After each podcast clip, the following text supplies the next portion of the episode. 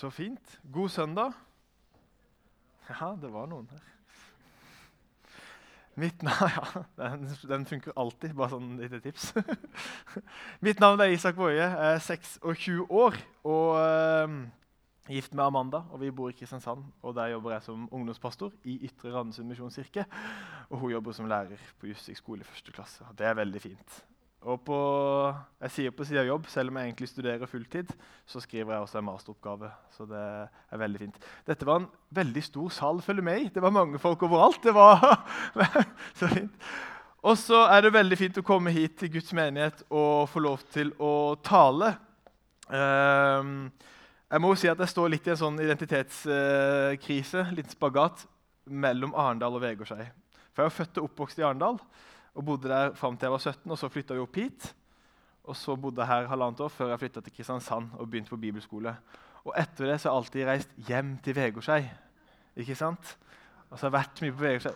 Jo, jo, ja, det er... Og dette er også en billig trikk som funker her, og det funker der. Så er... jeg melder alltid lojalitet til en, hver side. Men, men Uh, og så er det litt sånn, uh, og Kari sa det når vi ba før møtet her, at uh, det kan hende det er mange som kjenner deg som du ikke kjenner. ja, det, det, har jeg opplevd før, at jeg kommer inn på butikken eller et eller annet. Jeg ser hvem du ligner på. Ja, jeg vet det, jeg ligner pappa. Og, og, og det toppa seg liksom jeg skulle stemme ved valget, kommunevalget for noen år siden. Jeg skulle, var i Vegårshallhallen her. Leverte stemmeseddelen, og så skulle jeg dra opp legitimasjon for å vise at det er med. Og så sa hun at nei, jeg ser hvem du ligner på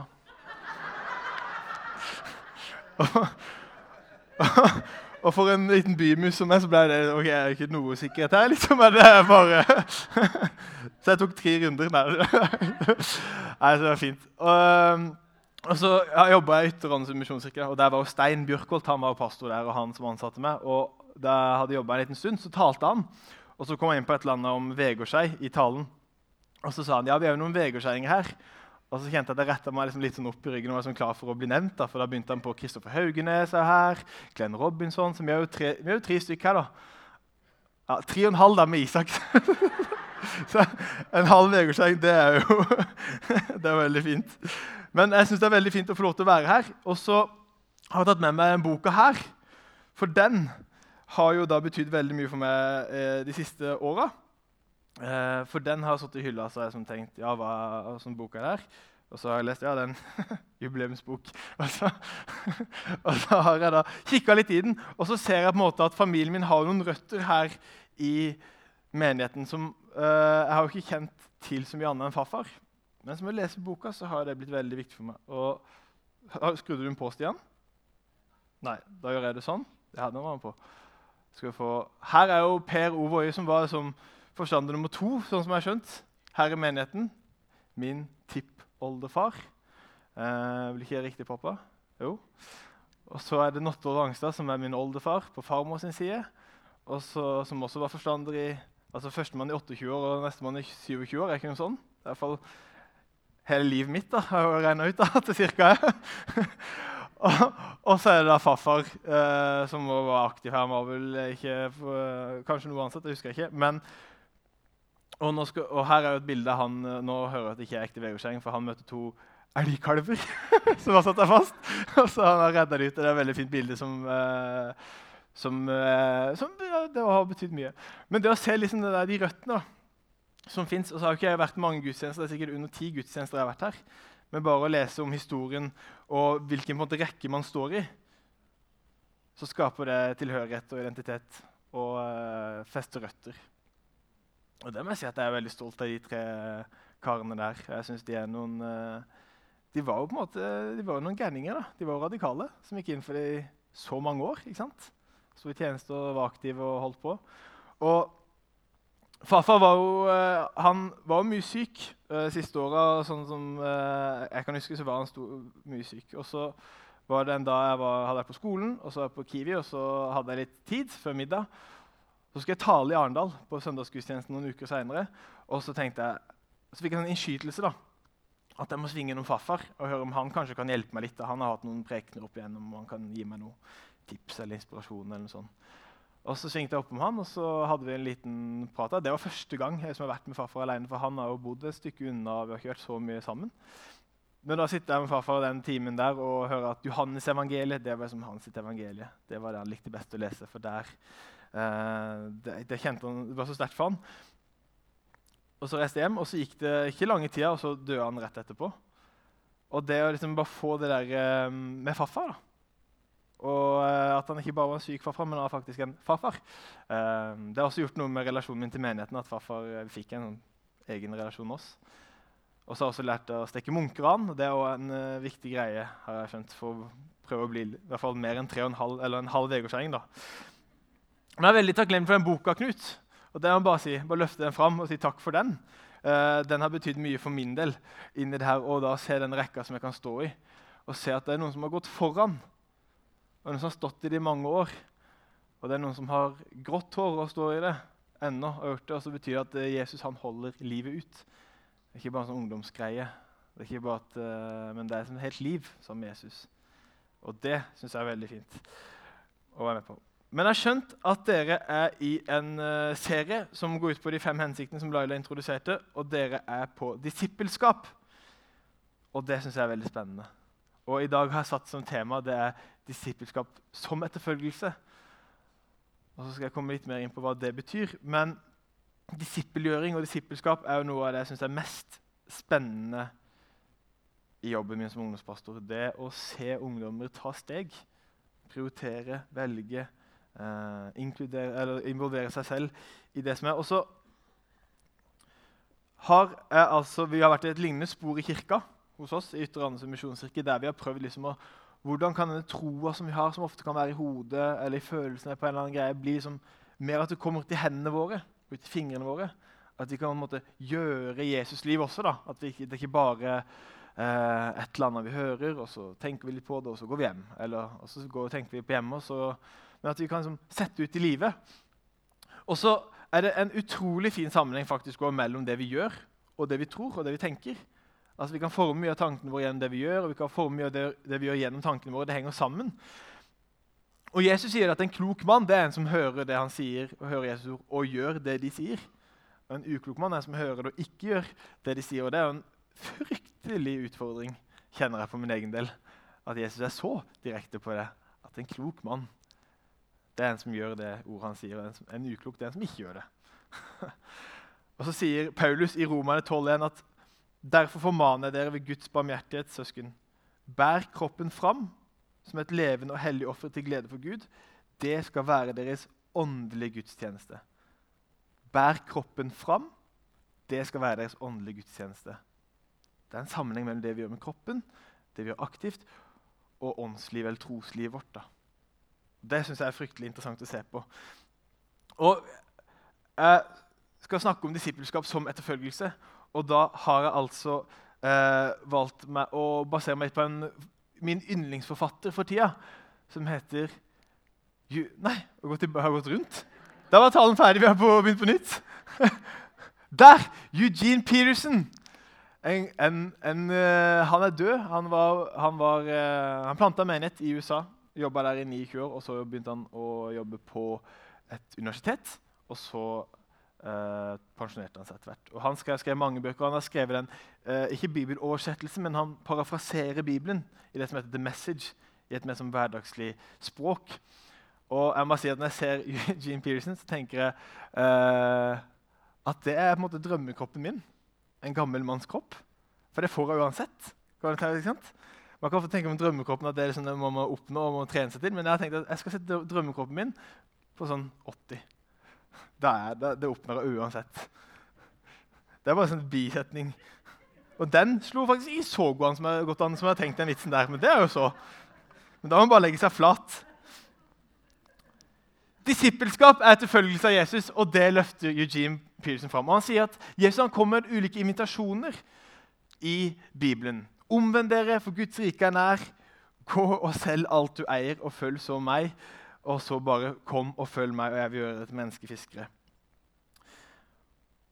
Og Dette er noen invitasjoner som Jesus gir oss. Og Eugene har skrevet noen bøker, og min favorittbok det er den her, som heter 'A Long Obedience in the Same Direction', eller 'Lang lydighet i samme retning'.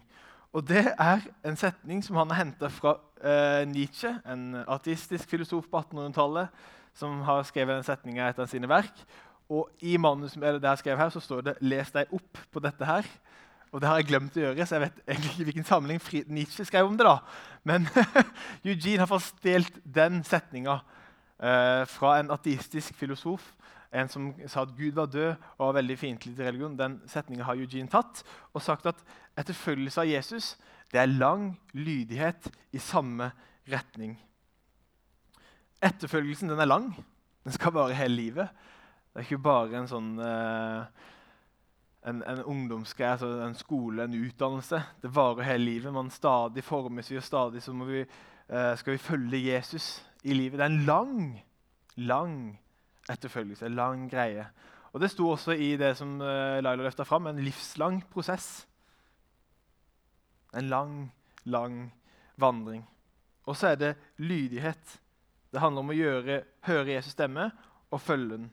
Enkelt og vanskelig på samme tid. Lang lydighet i samme retning.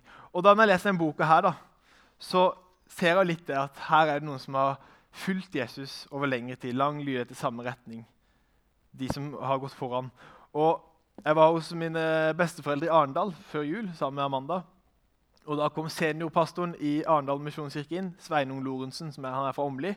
Og Han hadde i sine ungdomsdager vært eh, på litt sånn møteuker og reist litt rundt sammen med oldefar Notte Vangstad da, og prekt og sånn. Og Da fortalte Sveinung at hver kveld så bøyde Nottorov kne ved senga og ba. Og Hver kveld han var hjemme, så gjorde han og oldemor også det sammen. Hver kveld så ba de til Gud. De bøyde kne og ba til Gud. De kan brukte kroppen og ba til Gud. Og det sa Sveinung at det har han aldri gjort. Han har bedt i senga. Mens Nottov var så from at han bøyde kne. Og det tenker jeg er lang lydighet i samme retning at de henvender seg hver dag til Jesus. Lang lydighet i samme retning. Og så er det en uh, bok nummer to som jeg har lest hele, jeg har begynt på den, som heter The Jesus Way, altså Jesus-veien. Den har jeg, ikke begynt, jeg har ikke lest den ferdig, men den er litt tung og seig. Men jeg tror den er ganske verdt å lese det. Um, og da løfter Eugene Peterson opp Jesus som veien. Og Jeg skal lese noen bibelvers for dere som vi skal være i uh, resten av talen. Og De kommer ikke opp på skjerm, fordi Guds ord det skal høres og ikke leses, sier Eugene. Så jeg, ta, jeg har vært så frimodig at jeg ikke har lagt det på skjerm, så jeg beklager det. Men dere får høre. Så skal jeg lese sakte og fint. Og Det er fra Johannes 14, 1, 7. Så står det La ikke hjertet bli grepet av angst. Tro på Gud og tro på meg. I min fars hus er det mange rom. Var det ikke slik, hadde jeg da sagt dere at jeg går og vil gjøre i stand et sted for dere. Og når jeg har gått og gjort i stand et sted for dere, vil jeg komme tilbake og ta dere til meg. Så skal dere være der jeg er. Og dit jeg går, vet dere veien. Thomas sier til ham, 'Herre, vi vet ikke hvor du går.' Hvordan kan vi da vite veien? Jesus sier, 'Jeg er veien, sannheten og livet.' Ingen kom til far uten ved meg. Har dere kjent meg, skal dere også kjenne min far.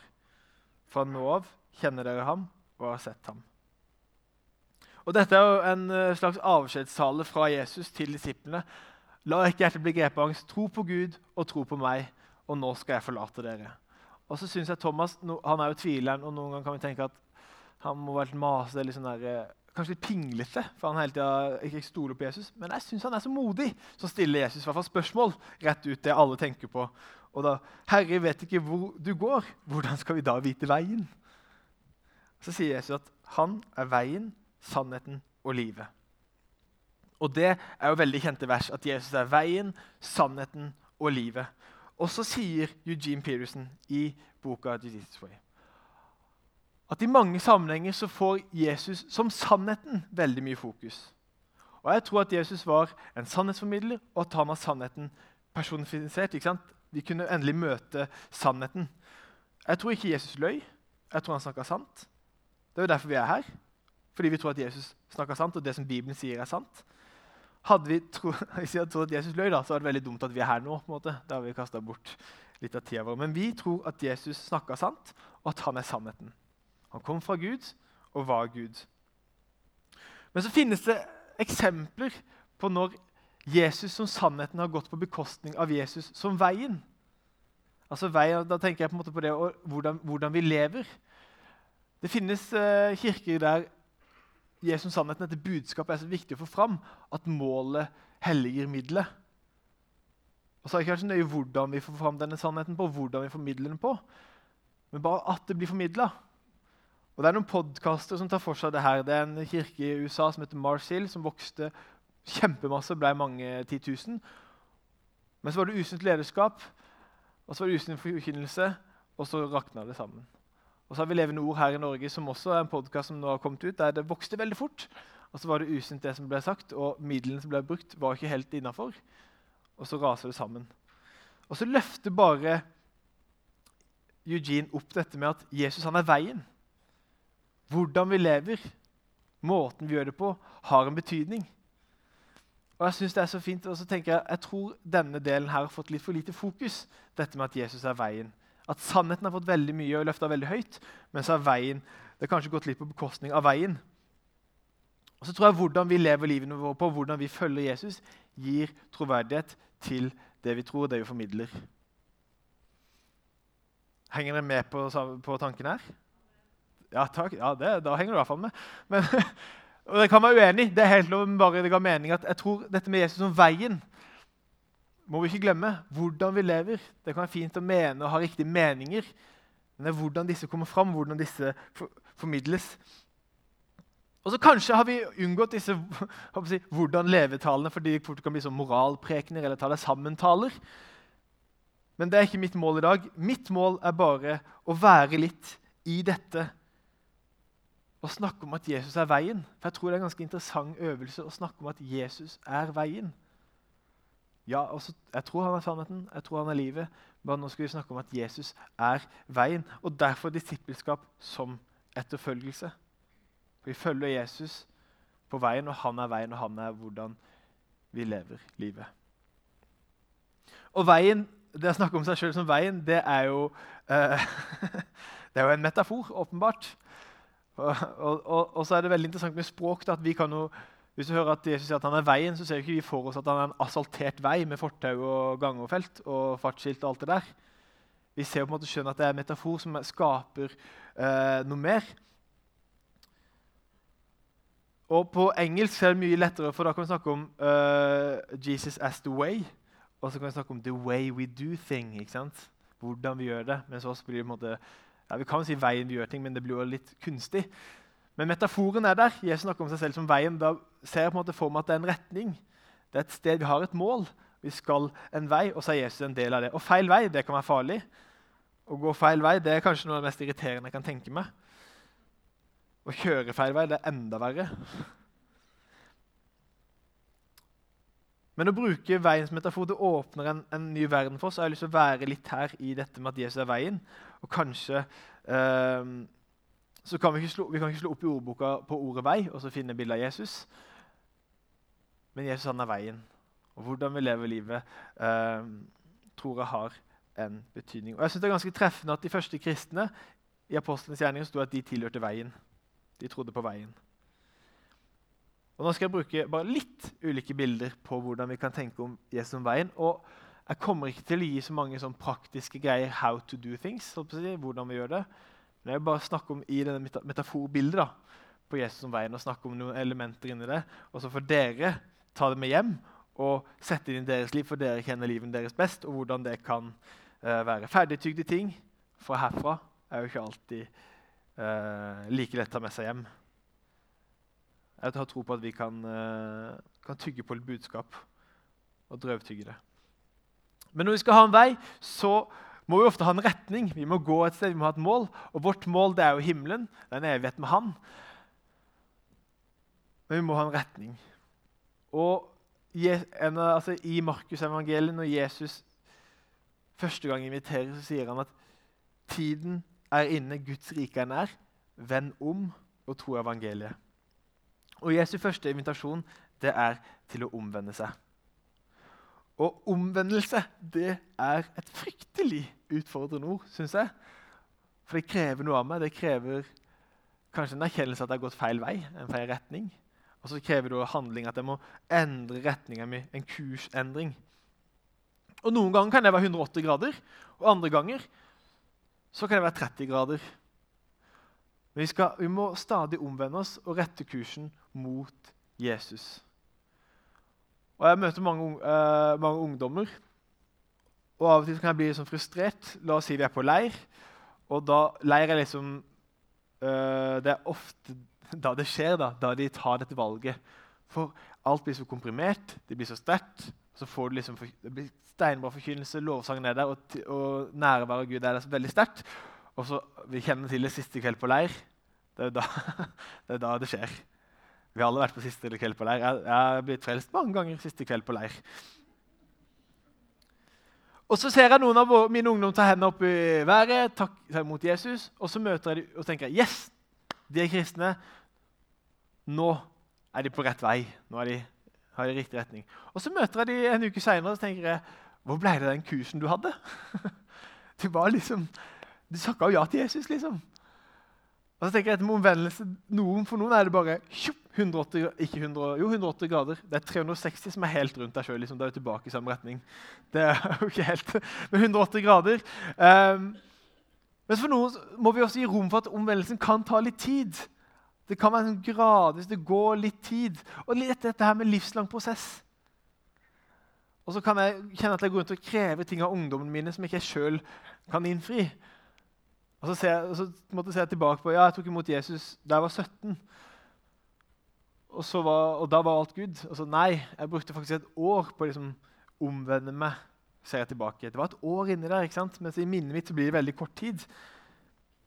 Omvendelsen er ikke bare en engangsgreie, men det er en kursendring mot Jesus.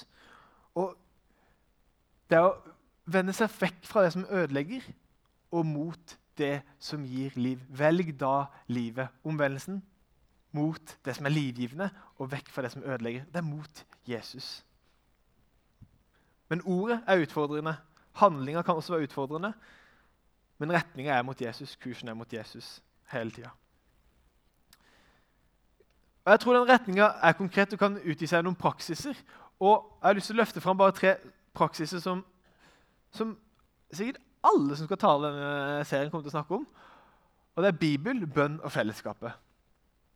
Bibel, bønn og fellesskapet. Og dette er jo ikke lekser eller verktøy for å ta seg sammen. Men dette er praksiser som former oss. Det er vaner som former oss. Og Jeg kan, jeg kan ta meg sjøl nakken i perioder. så Nå skal jeg lese hver dag, eller nå skal jeg være en leseplan, eller et eller annet sånt, og så blir det bare sånn nakkegrep på meg sjøl.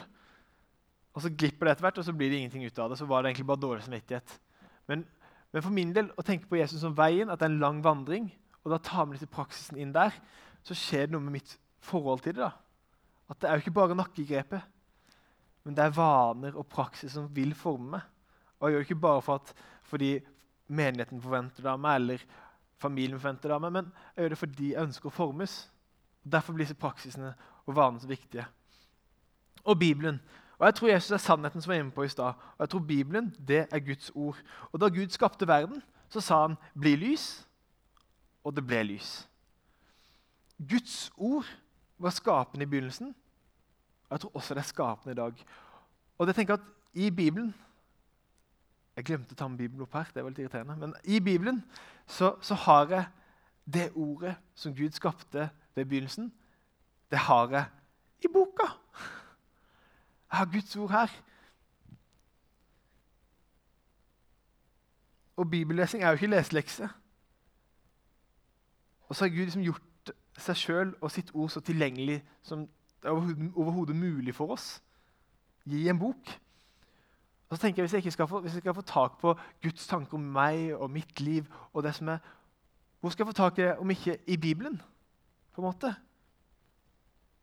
Så bibellesning er å løftes høyt som en praksis som former oss, en vane som gjør noe med oss. Og da tenker jeg at Guds ord, det som sa 'bli lys', og som skapte lyset, og skapte resten av, det ligger i den boka. Bønn. Martin Luther sa 'hva er tro om ikke bønn'? Og Min gamle pastor sa i konfirmasjonsundervisningen at bønn det er samfunn med Jesus. Det er fellesskap med Jesus. Og Jeg, hadde, jeg visste på en måte hva bønn var, for det var som prate med Gud. Men at det er samfunn med Jesus, det åpner rommet litt.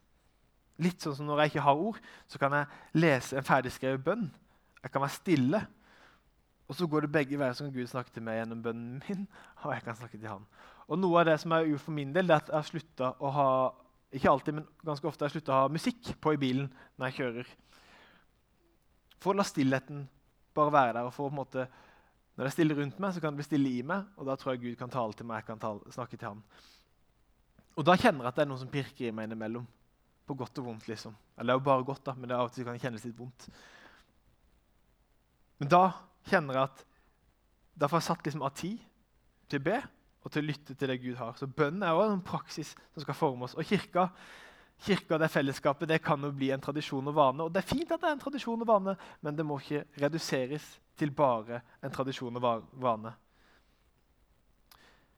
Det er bra å ha det som en vane, for hvis du da ikke er inspirert en søndag og tenker at nå er jeg klar for å ta imot det Gud har for meg, uh, sant? stå opp der, så er du i hvert fall disiplinert.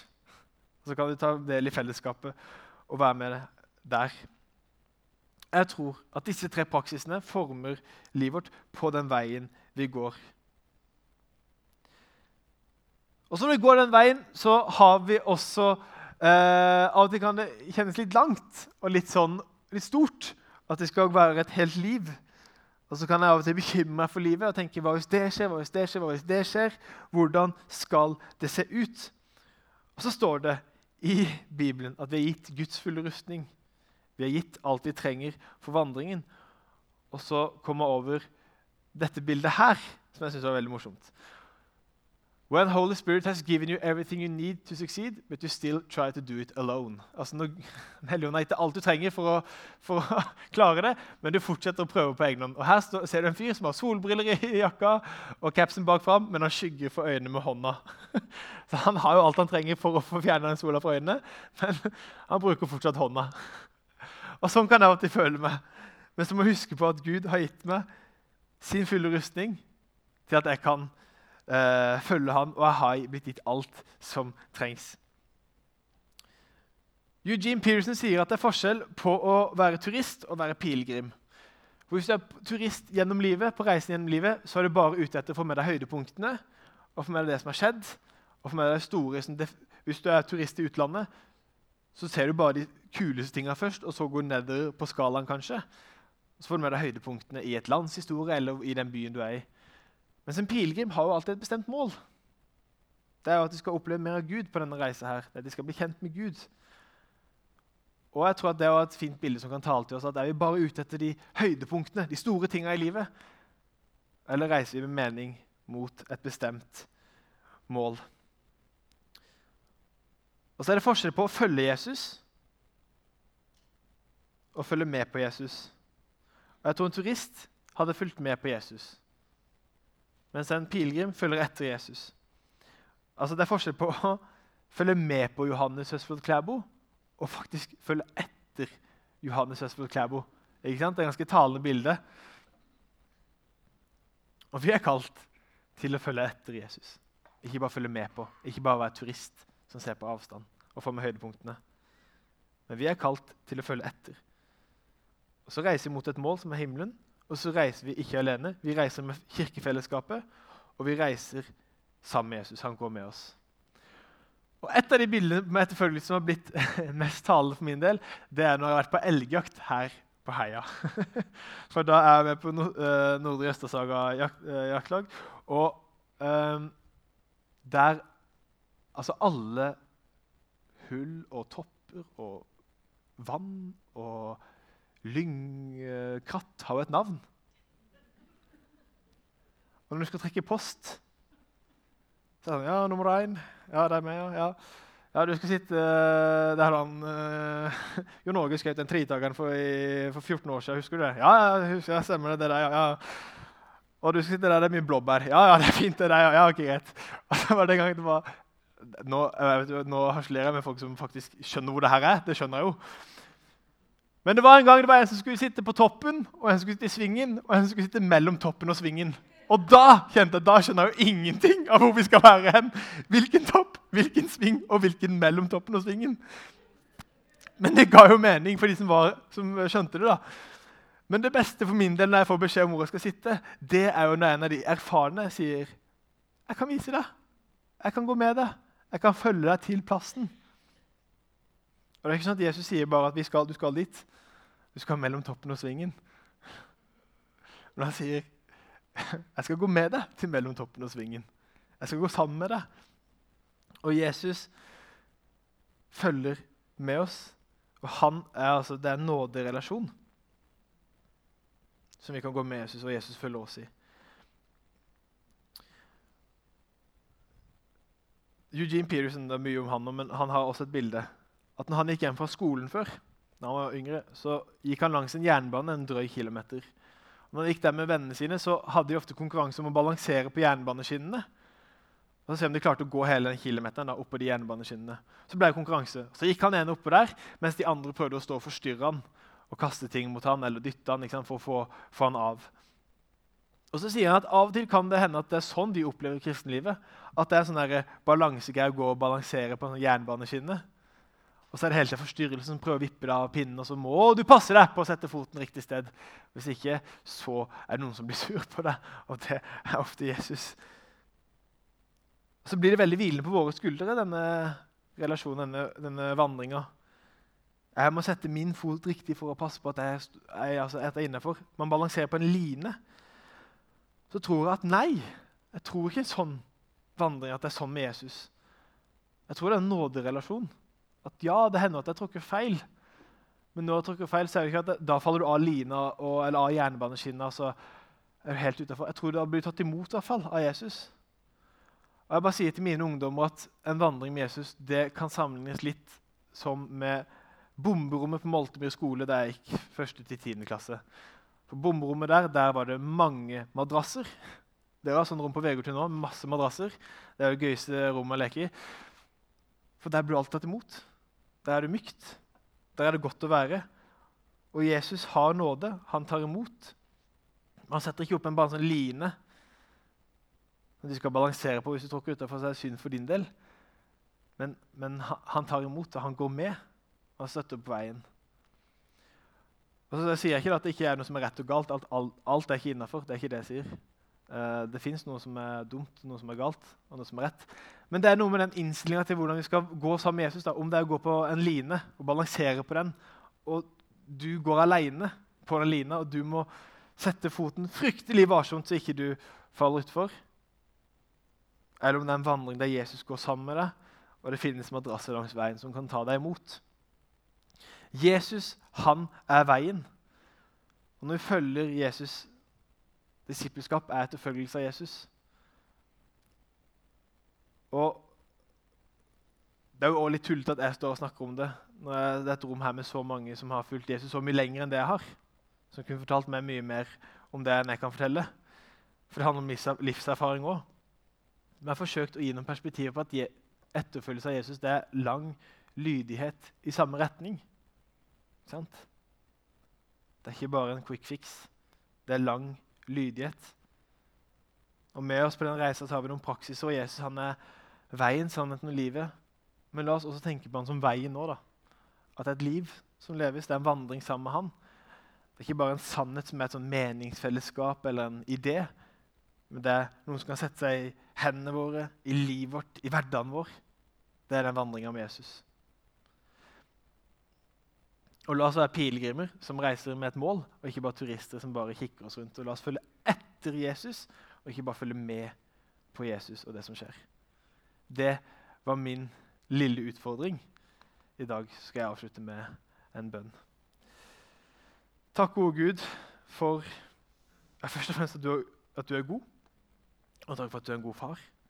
Takk for at du sendte Jesus som et, uh, for død på korset og som et eksempel for oss så ser du eh, livsvandringene våre, der vi skal eh, gjøre det vi kan for å følge etter deg, Jesus. Og så ber jeg om at du skal gi oss inspirasjon og disiplin og det som trengs for et liv i lang lydighet. og et liv der du er veien som vi går på. Takk for at du er sannheten, og at vi kan tro på det. Og takk for at du også er veien, at eh, det kan sette seg ut i livene våre, i vandringa vår, Jesus. Velsign Guds menighet, velsign alle som er en del av den. Velsign alle som er i kontakt på en eller annen måte med menigheten. Må, må virkelig dette bli en plass der eh, folk får møte deg og komme til tro på deg og eh, vandre sammen med deg, Jesus. Legger alle her i dine hender. Amen.